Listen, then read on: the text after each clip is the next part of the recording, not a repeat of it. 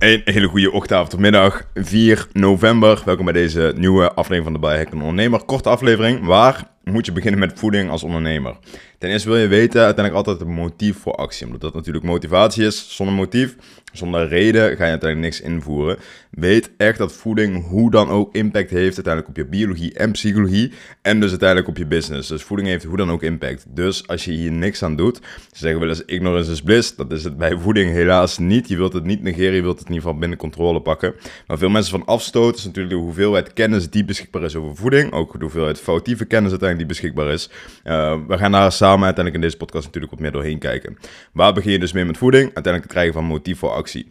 Voeding bestaat uiteindelijk uit twee grote takken, de macro- en de micronutriënten. Ik, heb, ik ga hier nog een hele losse podcast over maken en ik heb het kort in een vorige podcast toegelegd wat het uiteindelijk inhoudt. En ik heb zelfs wat video's over qua content op mijn Instagram of LinkedIn. Uh, maar dat even tezijde. Voeding heeft dus uiteindelijk twee takken, macro- en micronutriënten.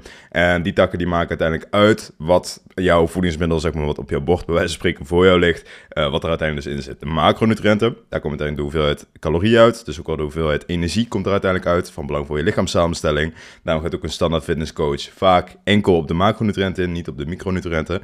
Samen met mijn cliënten ga ik natuurlijk ook diep in op de micronutriënten, omdat die, als je daar deficiëntie in hebt, ook echt een grote blokkade kunnen dienen uiteindelijk, kunnen zijn voor je business en uiteindelijk voor je output. Micronutriënten, denk daarbij aan vitamine, mineralen en spoorelementen. Waarbij spoorelementen wat kleine stofjes zijn, denk er bijvoorbeeld bij aan zink of potassium. Uh, zijn wat kleinere stoffen. En de macronutriënten zijn de stoffen waarvan je ooit hebt gehoord. Dat zijn de koolhydraten, eiwitten en vetten. Daar bestaat voeding uit. Hoe begin je nou uiteindelijk met het inwerken van een functioneel e-patroon voor ons als ondernemer? Belangrijk punt, nu dat je een klein beetje weet van oké, dit is voeding, wil je dus gaan kijken van uh, wat voor effect voeding heeft. En daarbij is de bloedsuikerspiegel enorm van belang. Grote stress binnen ons lichaam en ons bloedsuikerspiegel zorgt uiteindelijk grotendeels voor ook hoe jouw energie uh, fluctueert op een dag. Dus denk erbij echt als slaap, dat is de basis. Dus hoe hoog jouw energie is op lange en korte termijn. Daarmee bedoel ik als je lange termijn slaaptekort hebt, dan zou je energie überhaupt wat lager liggen. Hetzelfde gaat met korte termijn, dan is het op dat moment iets lager, maar op jouw standaard is wel een stuk hoger.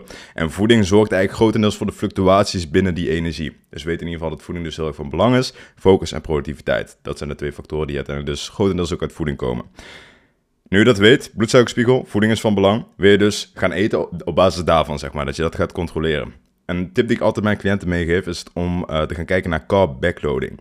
Het houdt puur in dat je koolhydraten later op de dag gaat eten, zodat je in de ochtend een wat stabieler bloedsuikerspiegel hebt. Samen met een vast is dit ideaal. Bedenk je bijvoorbeeld bij aan intermittent fasting. Niet voor iedereen, dat legt mijn cliënt altijd uit. Uh, maar voor sommige van jullie, de meeste van jullie wel. Um, stuur me even een berichtje mocht je weten of dat voor jou ook uh, van toepassing is. Dus dat is een belangrijke factor.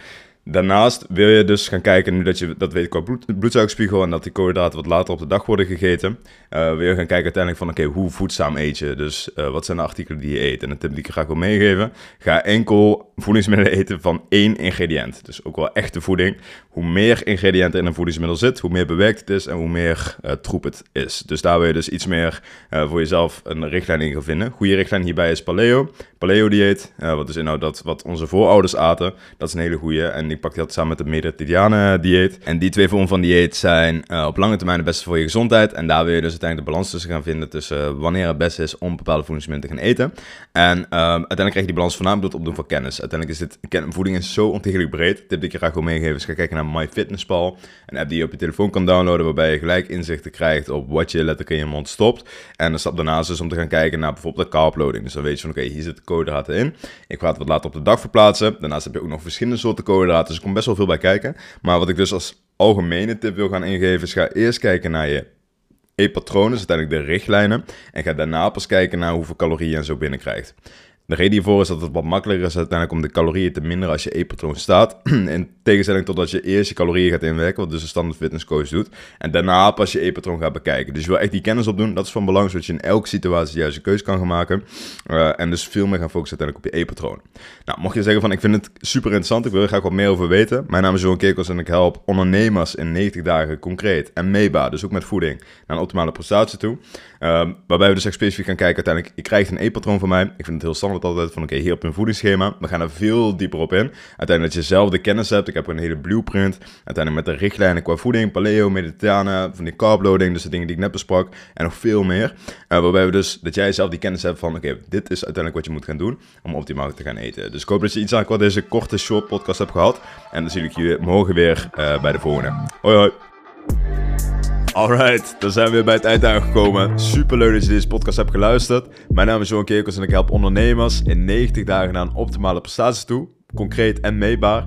Mocht jij zeggen van, hey, ik heb super veel waarde gehad in deze podcast, maar ik wil graag weten hoe ik het in mijn situatie kan toepassen. Ga dan snel naar www.kif.nl of naar Johan Kerkels, stuur me even een berichtje en ik help je graag persoonlijk verder. Peace!